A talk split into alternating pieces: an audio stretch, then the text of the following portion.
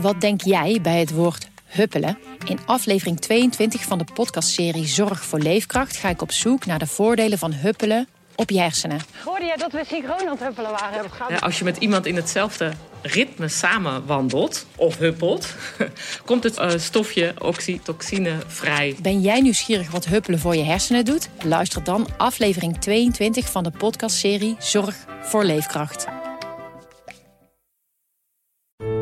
Ik ben Angelique Kunst en ik heb de podcast In de Ban van Rian gemaakt. En deze is nu genomineerd voor een Dutch Podcast Award. Help jij me aan de overwinning? Je kan stemmen via podcastawards.nl/slash stem. Alvast heel hartelijk bedankt. Dit is de podcast Politiek Dichtbij. Met Tobias aan Hartog en Rick Bolt. Soms Soms heb je van die weken, zeker in Haagse Kaasstop, dat je denkt rustig een onderwerpje voor te kunnen bereiden. En dan opeens op donderdagavond schiet het nieuwsje met, uh, aan alle kanten om de oren. Dus uh, deze week gaan we rustig terugblikken op de parlementaire enquête gaswinning Groningen natuurlijk, met Hans van Soest. Toen, uh, dat was nog in de week dat we dachten dat deze week rustig zou worden. Ja, ja. maar ondertussen is er van, aan alle kanten is er nieuws voorbij gekomen. Dus dat gaan we heel snel behandelen in een, uh, ja, een hele snelle lightning round eigenlijk. Ambtsgenoten. I believe that we are being governed by a global conspiracy of evil reptiles. Ik ben Edith Schippers en ik stel mij kandidaat als lijsttrekker voor de Eerste Kamerverkiezingen. Wij juichen dan voor het Nederlands elftal en niet voor de tribune. Ik ben niet naïef, naïef meer. Uh, na alles wat, wat is overkomen, mijn carrière, reputatie te grabbel gegooid, mijn privéleven totaal overhoop. Ik ben strijdbaar en dat kan op alle mogelijke manieren. So, I'm a fan of Vladimir Putin. He is the, the hero we, we need. Ja, Tobias. Kan jij alle Kamerfracties uh, opnoemen in, uh, in één minuut? Daar gaan we. Hier was ik bang voor. Uh, nou, VVD, CDA, ChristenUnie, D66. Jij telt mee, Hans. PVV, SP, Denk, Fractie Den Haan, BBB, Omtzigt, SGP, heb ik die al gehad? Ehm, eh, eh, de FVD, eh, Van Haga. Ehm, ik begin vast te lopen. Help. mag ik een hulplijn inzetten? Uh, ja, maar het zijn er zoveel dat ik eigenlijk het overzicht ook niet meer helemaal, uh, helemaal heb. Ja, 21 GroenLinks, PvdA, Partij voor de Dieren. Oh, ik was uh, heel links vergeten. groep, groep Gundogan. Gundogan, shit. Ja, Gundogan. En ja. nou missen we er nog twee. Um, ja, het overzicht is zoeken. en het wordt alleen maar erger, hè? Kijk, Want uh, komen er mogelijk... Komt nou, er nog één ja, extra bij? Heel subtiel dit van Rick. Ja? Maar er komt dus misschien, heel misschien nog een fractietje Gijsje van Dijk. Ja, hoe kan het dat die man nog weer terug kan komen eigenlijk? Ja, dat snapt niemand, ook de PvdA niet. Nou ja, ja de kieswet. Ja, sorry. De man is, zo werkt de kieswet. Uh, er valt, maar overigens, maar daar kom ik dan zo op... PvdA heeft uh, uh, Gijs van Dijk eerder dit jaar uh, de laan uitgestuurd. wegens klachten dat hij zich zou hebben misdragen. Uh, hoe ernstig die klachten zijn, overigens, uh, dat weten we niet. Want er is onderzoek naar gedaan, maar dat rapport is nooit openbaar gemaakt. Uh, inmiddels ehm, heeft Gijs van Dijk gezegd: als er weer een zetel vrijkomt, dan ga ik die gewoon innemen. Ik wil weer terug naar de PvdA. Ik vind dat het allemaal wel mee heeft gevallen wat er is gebeurd. Ehm, het is allemaal in mijn privéleven gebeurd. Hij had meerdere relaties. Daar, dat, dat weten we in ieder geval wel. Daar is, eh, dat is duidelijk. Niet netjes. ja, en dat is niet netjes. Maar ja, het is niet strafbaar volgens de Nederlandse wet. Um, uh, dus hij zegt, ik wil terug. En er komt, althans, dat is de bedoeling, een zetel vrij in de PvdA-fractie. Want Kadisha Ariep heeft haar vertrek aangekondigd. Alleen, en daar zit hem de kneep, Kadisha Ariep heeft dat al een paar weken geleden aangekondigd. En haar afscheidsbrief heeft ze nog steeds niet uh, verstuurd. En ik durf er zo langzamerhand wel een fles wijn op te zetten dat die afscheidsbrief er niet meer komt. Maar sta, staat fractieleider Adje Keuken dan voor de keuze ofwel een man terug tegen wie klachten zijn ingediend wat hij meerdere relaties op mhm. nahield van wie de vrouwen niet wisten dat hij dat deed van elkaar? Of een vrouw die, ja, die, die is uh, beschimpt omdat zij uh, een soort, als een soort tiran uh, zou zijn nou, geweest. De keuze, de keuze is toch simpel? Uh, uh, je bent een linkse partij. Uh, je bent gevoelig voor je achterban die bij het woord MeToo al meteen in een kramp schiet. Dat is namelijk, lijkt het toch wel te zijn gebeurd bij Gijs van Dijk. Of je moet kiezen tussen het populairste Kamerlid wat je hebt want dat is Khadija Ariep, by far. Um, ja, die op grond van die een, en dat is van links tot rechts iedereen erover eens een hele goede Kamervoorzitter was. Maar ja, die misschien onvriendelijk is geweest tegen haar personeel. En hoe ernstig die klachten waren, ja. In het verleden, notabene. Uh, dat moet allemaal nog maar blijken. Ik zou kiezen voor uh, Khadija. Als ik uh, kuiken was, althans. Dus ik denk uh, dat uh, Kadisha met een hele grote bos bloemen binnenkort bij Ariep op de stoep staat. een diepe knieval maakt van Kadisha, je bent geweldig. Alsjeblieft, blijf. Dan Baudet, de man die al dan niet wel niets in reptielen of gelooft, zeg maar. En die is geschorst voor een week. Ja, die, die, week valt ook nog eens half, half in het reces. Dus ja, is dit nou voor de, voor de show? Of, Ah, dit is voor de show, maar voor beide kanten. Hè. Dus dit is de Kamer die zegt: kijk, ons is ferm zijn en onze, onze regels handhaven. En dit is Baudet die ja, twee dagen lang kan zeggen: jullie hebben mij om, om, om eigenlijke gronden uh, monddood gemaakt. Ik mag uh, 48 uur niet, uh, niet zeggen. Was, was er de afgelopen 48 uur überhaupt een debat waar hij aan mee zou doen? nou, goede vraag. Misschien dat van Qatar, maar ik denk het eigenlijk niet. Nee, nee, ik denk het eigenlijk niet. Hoe zat het nou met die reptielen? Ja, nou, er dook uh, maandagmiddag een filmpje op uh, van een interview van Baudet met een Amerikaanse medium. en daarin zei hij eigenlijk onomwonden uh, dat hij uh, ja, in complotten gelooft. Ik, ik, ben een, ik ben een conspiracy theorist, zei hij dan letterlijk. En, ja, of, zei hij nou dat hij in complotten gelooft? Ja, of dat hij theorie... Ja, kijk, hij lult zich er altijd zo'n manier omheen... dat je het ja, altijd op een andere manier kan uitleggen. Je kunt ook zeggen, ik ben een complottheorist. Dat ik ja. theorieën ken over complotten of zo. Het is echt heel ja, vaag. Nou ja, goed. Het, het, het, ik vond dat deel niet zo heel vaag, hoor. Hij zei vervolgens, ik, ik, ik geloof dat we worden bestuurd... door een wereldwijde samenswering van kwaad aardige reptielen. Uh, en, en, en het hele interview, het was een uur lang, het ging, al, uh, het ging over complot. Hij omarmde eigenlijk, ik ben een complotdenker, want ik geloof in dingen die misschien nog niet bewezen zijn, maar van, waarvan ik denk dat ze gaan uitkomen. Waar die vager over bleek te zijn, was dat reptiele deel. Dat hij zei van ja, nou, uh, een dag later zei hij, nou ja, reptielen, dat bedoelde ik dus niet zo letterlijk. Het, uh, het zijn mensen die onmensen zijn of geen gevoel hebben. En ja, nou, ja, goed. het, is, het, is wat, het, het, het, is wat hij altijd doet. Hij zegt iets over homeopathische verdunning, over de...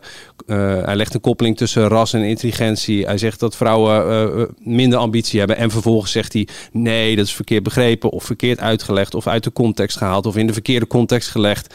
Uh, op het moment dat een uitspraak verkeerd valt, en deze, uh, ik geloof in reptiele uitspraak, uh, nou, dat bracht nogal wat teweeg, dan zegt hij dat het allemaal verkeerd begrepen is. Het kabinet maakte bekend dat er een afvaardiging, toch een afvaardiging naar het WK in Qatar gaat, ondanks de bezwaren die in de Kamer leven. Waarom nu toch? Ja, omdat we Qatar gewoon heel hard nodig hebben. Ja, vrij simpel. Kijk, de gasvoorraden uh, voor komende winter zijn goed gevuld. Uh, Groningen is dicht, uh, daar kunnen we geen beroep meer op doen, maar we moeten wel onze huizen verwarmen. de gasvoorraden hebben we nu nog kunnen vullen voor een groot deel met Russisch gas. want die, die kraan die ging pas afgelopen zomer dicht. Maar ja, voor volgende winter hebben we net zo goed weer uh, heel veel miljarden kuub uh, gas nodig. Dus die moeten we uit andere landen zien te onttrekken. Ja, en Qatar is de grootste leverancier van LNG. Hè, dat is vloeibaar gas in de wereld. dus dat is gas wat vloeibaar wordt gemaakt en dan met schepen wordt verscheept. En dan hier in de Eemshaven of in Rotterdam weer in de leidingen kan worden gespoten. Dus ja, we hebben Qatar gewoon heel hard nodig. En we hebben geen zin om als enige landje want we zijn uiteindelijk maar een klein landje uh, in de wereld. Een, diploma een, diplomatiek conflict met Qatar uit te lokken. Uh, en dan uh, volgend jaar te horen van luister eens even. wij gaan dat gas niet aan jullie verkopen. Bovendien is een, vergeten we nog wel eens dat bijna al dat LNG in de hele wereld. Voordat wij daar heel hard op zoek naar moesten. Omdat we geen Russisch gas meer wilden. Al verkocht was. Hè. Daar liepen al heel vaak lange termijn eh, contracten uh, naar bijvoorbeeld Pakistan of India. Ja, en die contracten, daar moeten wij over bieden. Uh, dus Qatar bijvoorbeeld moet ook maar genegen zijn uh, om dat te willen doen. Dus ja, om dan uh, ze tegen het hoofd te stoten, uh, alleen maar omdat we niet onszelf moreel verheven willen voelen als enige land in de wereld, door daar niet een minister naartoe te sturen, vind ik, lijkt me niet heel verstandig. Nee, Rutte zei er het volgende over. U staat eigenlijk straks te juichen op een tribune waar ja, bloed aan kleeft. Wij juichen dan voor het Nederlands elftal en niet voor de tribune.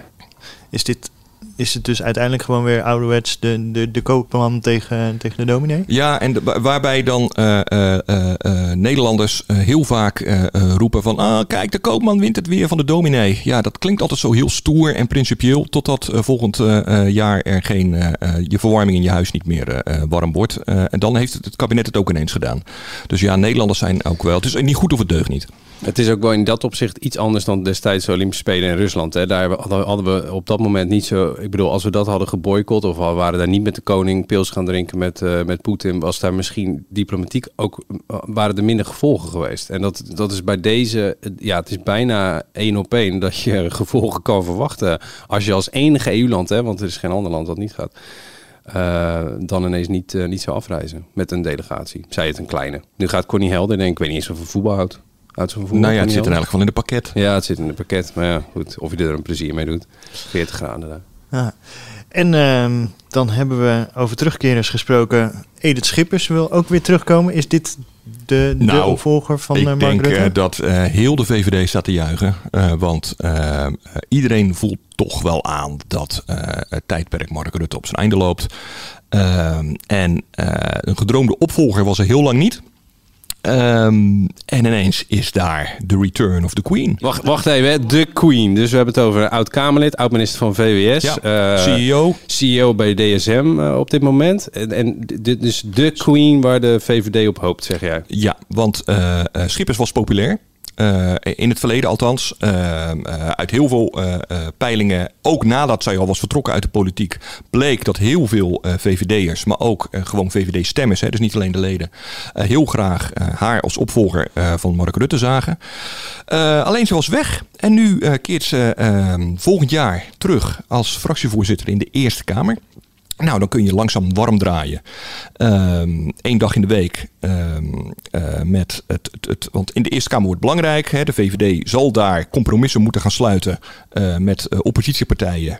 Um, om, om het kabinetsbeleid door, door de Eerste Kamer te krijgen. Want daar hebben ze nu al geen meerderheid. En dat zullen ze na de statenverkiezingen zeker niet meer hebben. Ja, en dan kan ze zich bewijzen. En ik denk eerlijk gezegd dat uh, dat dit echt bedoeld is. Maar ja, dat is uh, ja, ja, even, maar, even, mijn gevoel ja. om haar warm te laten draaien. En Mark Rutte bij de eerstvolgende verkiezingen op te volgen als lijsttrekker van de VVD. Het is ook geen overbodige luxe, hè, want alle beoogde opvolgers die vielen af de afgelopen jaren of hadden toch geen zin in. Hè. Klaas Dijkhoff, die, wilde, die vond het toch te lang wachten. Nu schippers dan terug in Den Haag. Maar ik, ik, de, die mythevorming vind ik ook wel apart. Want ik kom vaak op VVD-congressen en dan, dan, dan gaat het natuurlijk wel eens over de opvolgersvraag, uh, opvolgingsvraag van Rutte. Van ja, wat dan als hij er een keer mee, op, mee ophoudt? En dan is er altijd iets van, uh, ja, oh, ja, Schippers. Ja, maar ja, ja, die, ja, die is buiten de politiek op dit moment. Ja, helaas. Maar wordt iemand ook niet wel heel groot gemaakt op het moment dat je er niet meer bent? Nou, er is één verschil met Edith Schippers en alle andere potentiële kroonprinsen en prinsessen die de afgelopen twaalf jaar voorbij zijn gekomen. En dat is dat Schippers gewoon eerlijk heeft gezegd dat ze het ambiëren. Zij heeft gezegd, ik wilde Mark Rutte opvolgen. Alleen toen Mark Rutte uh, in, wat was het, 2000, uh, na zijn tweede kabinet ja. besloot om nog op te gaan voor een volgende ronde. Zij zei, nou ja, oké, okay, dan terecht, hij is de betere kandidaat, maar dan trek ik me terug. Maar zij heeft er nooit een, een geheim van gemaakt dat zij dit ambiëren. Ja tegenstelling tot al die andere VVD's. Ja, ik bedoel, uh, Klaas Dijkhoff, ook zo iemand hè, die genoemd werd. Ja, die zei eigenlijk al na een paar maanden, uh, toen hij fractievoorzitter was, zei hij, uh, beste Mark, mocht je überhaupt het idee de, hebben dat ik jouw kroonprins ben, vergeet het, want dat wil ik echt niet. Ik heb er geen zin in. Nee. Vanochtend, na tien uur onderhandelen, is er een akkoord bereikt over het aanpakken van de hoge energieprijzen in de EU. Anders is het nou te, te kniezen, hè? Ja, akkoord, akkoord, akkoord. Oké, zullen we opnieuw doen? Er is heel, nee, nee, is heel goed. Heel goed. Er is tien uur gepraat. Ja. En uh, er is een vorm van een principeakkoord nu Maar goed, we nemen deze podcast op op uh, vrijdagochtend. Er is een vorm van een principeakkoord bereikt uh, binnen Europa. van wat zouden we doen als we in de toekomst een prijsplafond op gas afspreken. Maar of dat prijsplafond er komt, ja, daar zijn de landen het nog helemaal niet over eens. Nederland en Duitsland, en ik, ik, ik ben eerlijk gezegd geneigd ze daar gelijk in te geven, zijn er heel huiverig voor. Want als wij als Europa collectief uh, uh, zeggen van jongens, wij gaan nog maar maximaal zoveel voor een kuub gas betalen uit de gas dat buiten de EU komt. Dat komt allemaal van buiten de EU, vrijwel. Uh, ja, waarvoor zouden, uh, uh, terwijl heel de wereld dat gas wil hebben, waarom zouden landen als Qatar of de Verenigde Staten dat gas aan ons verkopen? Ja, ik bedoel, als andere landen meer bieden, ja, dan staan wij weer met koude huizen.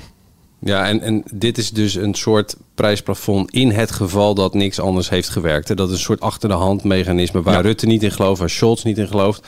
Maar het wordt achter de hand gehouden. Waar wel nog verder over is gepraat, maar ook nog geen duidelijkheid over is, is dat afromen van de winsten van energieproducenten. Hè? Dat, dat, dat gaat ook uh, het gat in onze begroting dichten. Hè? Waarmee we. Uh, Althans, dat, dat, dat is de hoop. We. Maar ja, we, daar, daarover is dus nog ook geen, uh, geen duidelijkheid. Een gat van 40 miljard mogelijk. Ja, ja. Ja, nou ja, goed. ja en, uh, um, uh, en we willen wel, uh, daar is dan wel een akkoord over, in elk geval een deel van ons gas gezamenlijk gaan inkopen. Hè, zodat we op de markt wat sterker staan tegen andere landen. Maar ook dat gaan we maar deels doen. 15 procent. Ja. ja, dat is niet heel veel. Dus om nu al echt van een doorbraak te praten, vind ik wat voorbarig toch nog. Zeven weken lang werden er 68 mensen verhoord in de parlementaire enquête Gaswinning Groningen. Hans van Soest heeft daar al die tijd bij gezeten, of het in ieder geval in de gaten gehouden. En uh, samen kijken we terug uh, op die enquête. Ja. Ja. Waarom was het ook weer nodig? Nou ja, waarom was het nodig? Dat vind ik eigenlijk wel een goede vraag. Uh, want enquête is bedoeld voor waarheidsvinding. Hè? Um, en je kunt je afvragen, zijn er dan echt dingen uh, in het Groningen dossier die we nog niet weten? Of is deze enquête vooral bedoeld om de Groningers te laten zien dat Den Haag eindelijk hun, hun problemen serieus neemt? En eerlijk gezegd heb ik wel een klein beetje de indruk na al die verhoren dat het ook vooral een beetje om dat laatste gaat. De Tweede Kamer wilde heel erg graag laten zien uh, aan Groningers: we nemen jullie problemen serieus en er komt een enquête. Maar heel veel nieuwe informatie hebben die 68 openbare verhoren niet echt opgeleverd. Nou is dit overigens niet het enige wat uh, de enquête doet. Hè. Ze hebben voordien ook al heel veel, uh, meer dan 100 gesprekken achter de schermen gevoerd. Ze hebben uh, tienduizenden documenten opgevraagd bij overheden, bij oliemaatschappijen. Dus wie weet komt er straks in februari een rapport waar er ineens nog een, iets nieuws uit blijkt. Van hé, hey, dit wisten we nog niet. Um, maar um, uit de verhoren kwam het in elk geval niet. Nee. Um, je hebt drie, drie momenten uitgekozen. Het eerste moment was uh, Erik Wiebes, die in zijn verhoor op 10 oktober zei... als we de versterking op orde hadden gehad, hadden we de gaswinning ja. niet hoeven te stoppen. Ja, en dat was, uh, hij was ook niet de enige die het zei. Um, uh, de enquêtecommissie heeft ook heel veel Groningers zelf, uh, slachtoffers van de, of gedupeerden moet ik zeggen, van de wiens huizen beschadigd zijn, gehoord. En die zeiden dat eigenlijk mm -hmm.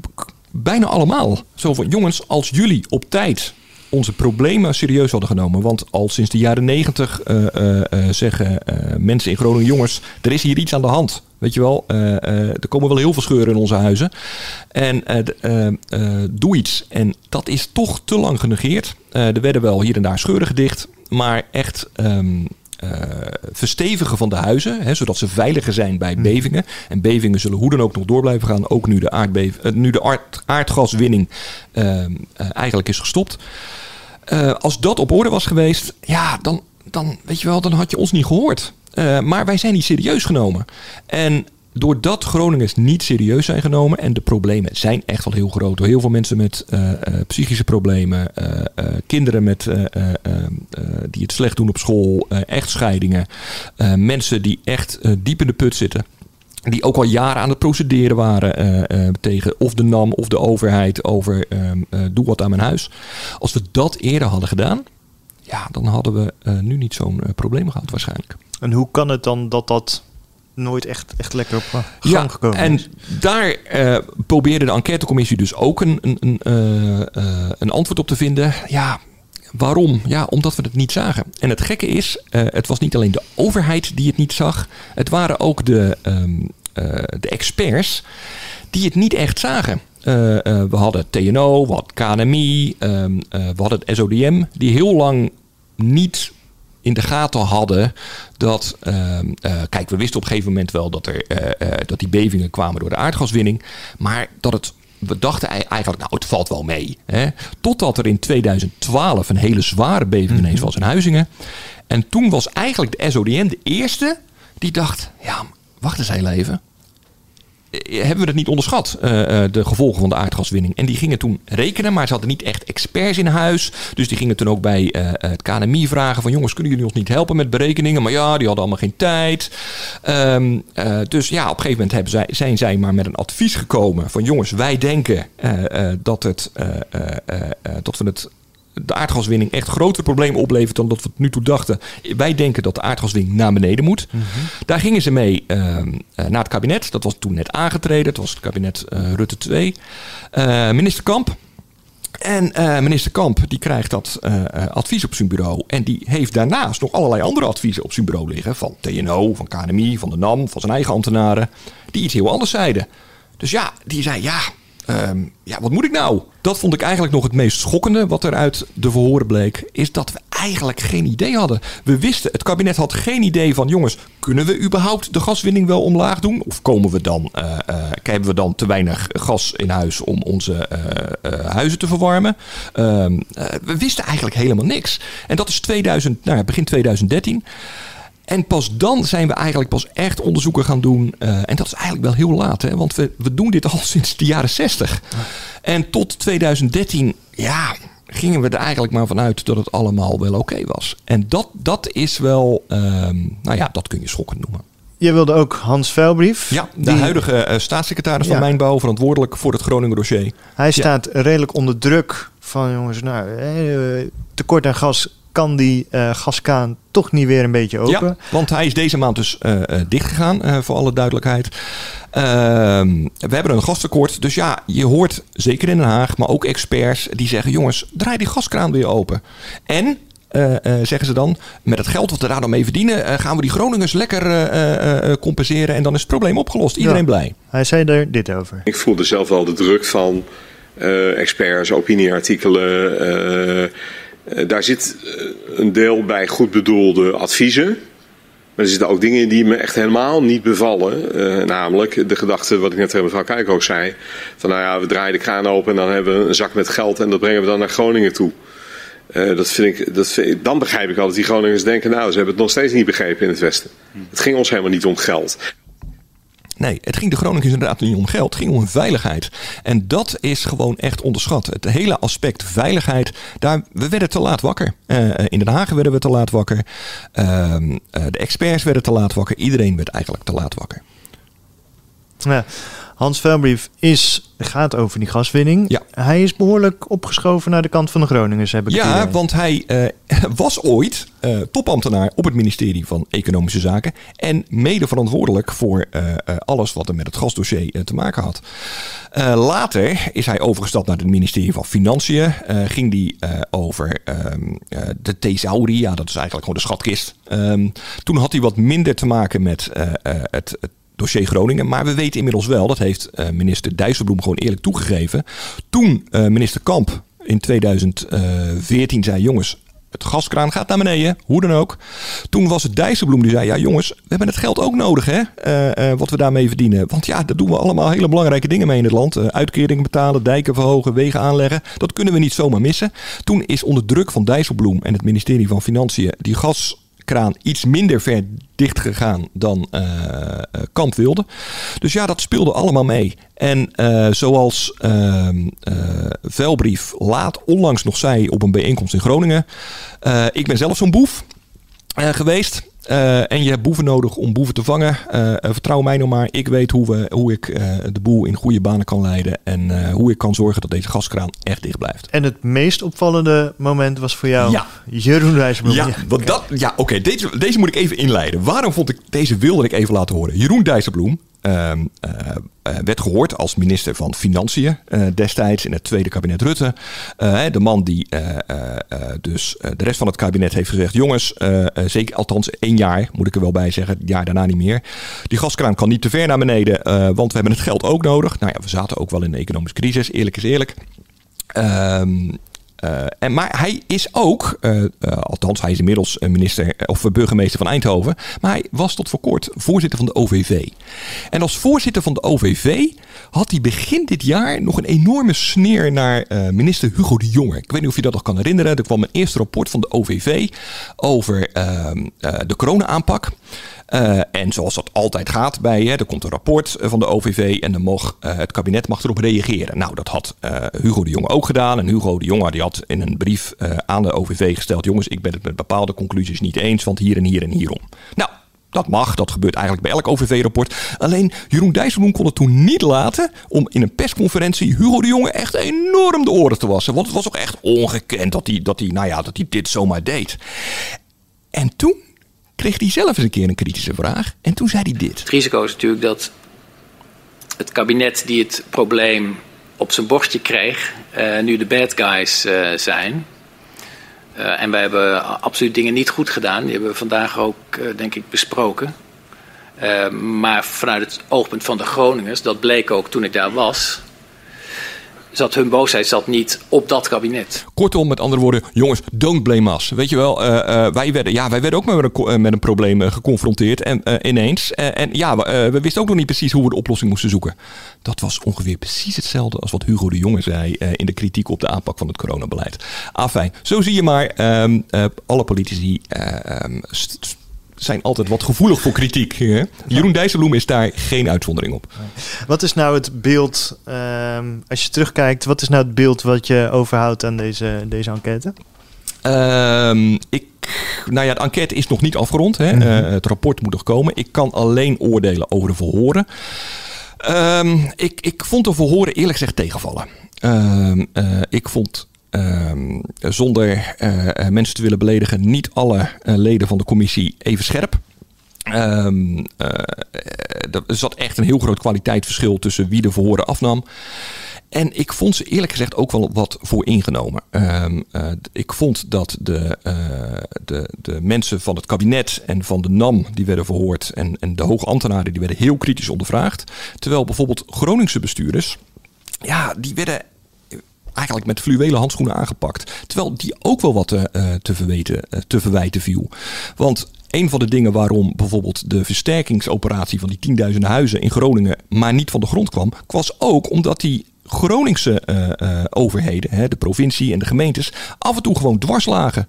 Uh, er werden voorbeelden genoemd van dat bijvoorbeeld, een, was er, dan, dan kwamen ze langs en dan wilden ze zo'n dorp wilden ze, snel verstevigen. Nou, een van de dingen die je dan bijvoorbeeld doet, zijn die grote zware ehm, bakstenen, schoorstenen op je huis. Ja, die moeten er dan af, hè, want die kunnen instorten en dat is gevaarlijk.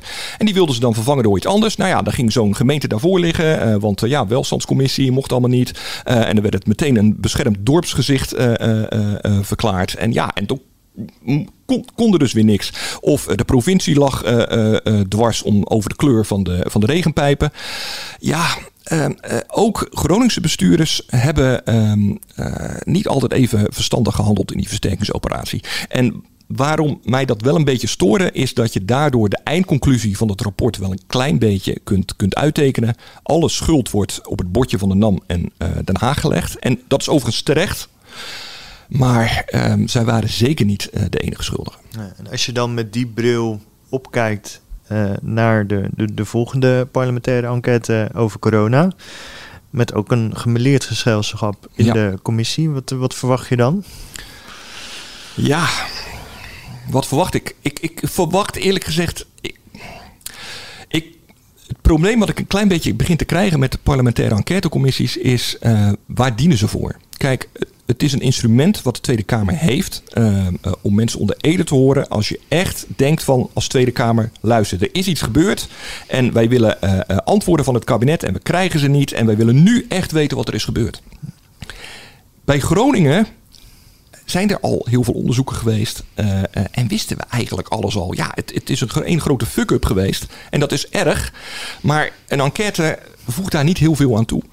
Bij corona uh, zijn er al onderzoeken geweest. Lopen er nog heel veel onderzoeken. Ik moet bij, bij corona ook nog maar zien of die enquête nou echt toegevoegde waarde heeft. Of dat de Tweede Kamer vooral wil laten zien aan, aan de mensen in het land. Kijk eens, we nemen de problemen heel erg serieus. En als het dat laatste is, ja, dan is de enquête daar helemaal niet voor bedoeld.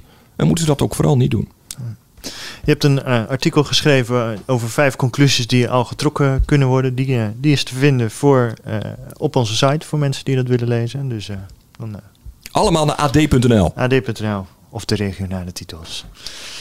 Um, dan als afsluiting, Tobias, is er volgende week een nieuwe asielwet denk je?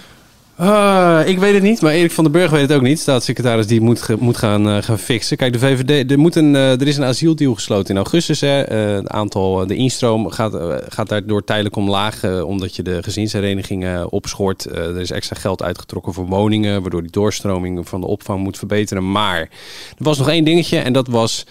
Uh, het, het, het, het punt van hoe gaan we uh, de opvang spreiden over Nederland. Nou, heel veel gemeenten doen niet mee, al, al een paar jaar niet. Uh, ook omdat ze in het verleden dan wel veel hebben gedaan. Hè. Het is niet alleen maar te kwade trouw, maar er zijn gemeenten die vangen gewoon geen asielzoekers op. Dat moet dus onder dwang. Daar is een afspraak over gemaakt in augustus. Maar nu is de vraag hoe partijen onderhandelen. VVD ligt dwars, want dwang vinden ze niet prettig uh, bij die partij, omdat ze de asielinstroom toch al te hoog vinden. Uh, er zou een wet liggen, uh, gepresenteerd worden, moet ik zeggen, vandaag om vijf uur. Dus de klok tikt, kijk mee. Maar ik verwacht eerlijk gezegd dat het na het reces wordt, want het is allemaal best ingewikkeld en het moet allemaal nog uitgewerkt worden. En ze willen er geen kabinetscrisis over creëren. Dus wordt er nog, nog stevig onderhandeld. Ook al mist Van de Burg dan deadline op deadline. dat zij dan maar zo, hoor ik in Den Haag. Waar zit de pijn? Nou ja, de pijn zit, hoe ga je die dwang uh, doen? Ga je iemand meteen, ga je een gemeente meteen, uh, ga je het in de wet zetten zodat de uh, staatssecretaris kan bellen met de burgemeester van Helmond en zegt, joh, gooi maar de sporthal open, want er, komen, er komt nu een bus met 60 man jouw kant op. Of ga je eerst die burgemeester van Helmond bijvoorbeeld een bonus bieden geld bieden om die sporthal te openen? Of ga je zeggen, nou weet je wat, ik ga de, veiligheid, de burgemeester van de veiligheidsregio waar Helmond toe behoort, die ga ik verantwoordelijk maken voor het probleem. Hè? Dus die bel ik met, ik heb er 60 en jij gaat er maar een burgemeester bij zoeken. Of, uh, of kom je in die, die variant waarin je direct de telefoon kan pakken. Dat is, dat is een beetje, hoe spreek je dat wettelijk af? Uh, zeg maar de escalatieladder van hoe je dat gaat doen. Maar dat er in de wet komt te staan dat er op enig moment een een telefoon gaat en dat er een stem klinkt die zegt: Jij moet nu iets gaan doen, burgemeester. Kijk, dat is eigenlijk wel afgesproken. De vraag is alleen: hoe ga je uh, dat hele. Uh, ja, het, gaat, het gaat nu om een spreidings- en verleidingswet. Hè? Nou ja, hoe ga je dat hele verleid, als we het over verleiden hebben, hoe ga je dat hele voorspel dan inkleden? Nou, dat is nu een beetje de vraag. Kunnen we dan nu concluderen dat Erik van den Burg als een beetje linkse VVD'er misschien botst met de rechtse Brekelmans? Een beetje, want uh, Van den Burg zit daar echt wel anders in dan, uh, dan een deel van de achterban van de VVD. Maar wat hem helpt is, jongens, jullie hebben in augustus gewoon bij het kruisje getekend dat we dit gingen doen. Dus ik ga nu uitvoeren en we moeten alleen even tot een overeenstemming komen hoe, niet dat we het gaan doen. En dat helpt hem natuurlijk wel. Maar het is wel een klein beetje een, een botsing der stromingen binnen de VVD, dat klopt wel. Tot zover deze aflevering. Vind je dit nou een leuke podcast? Abonneer je dan via Spotify of Apple Podcasts. Volgende week, dan zijn we er weer. Tot dan.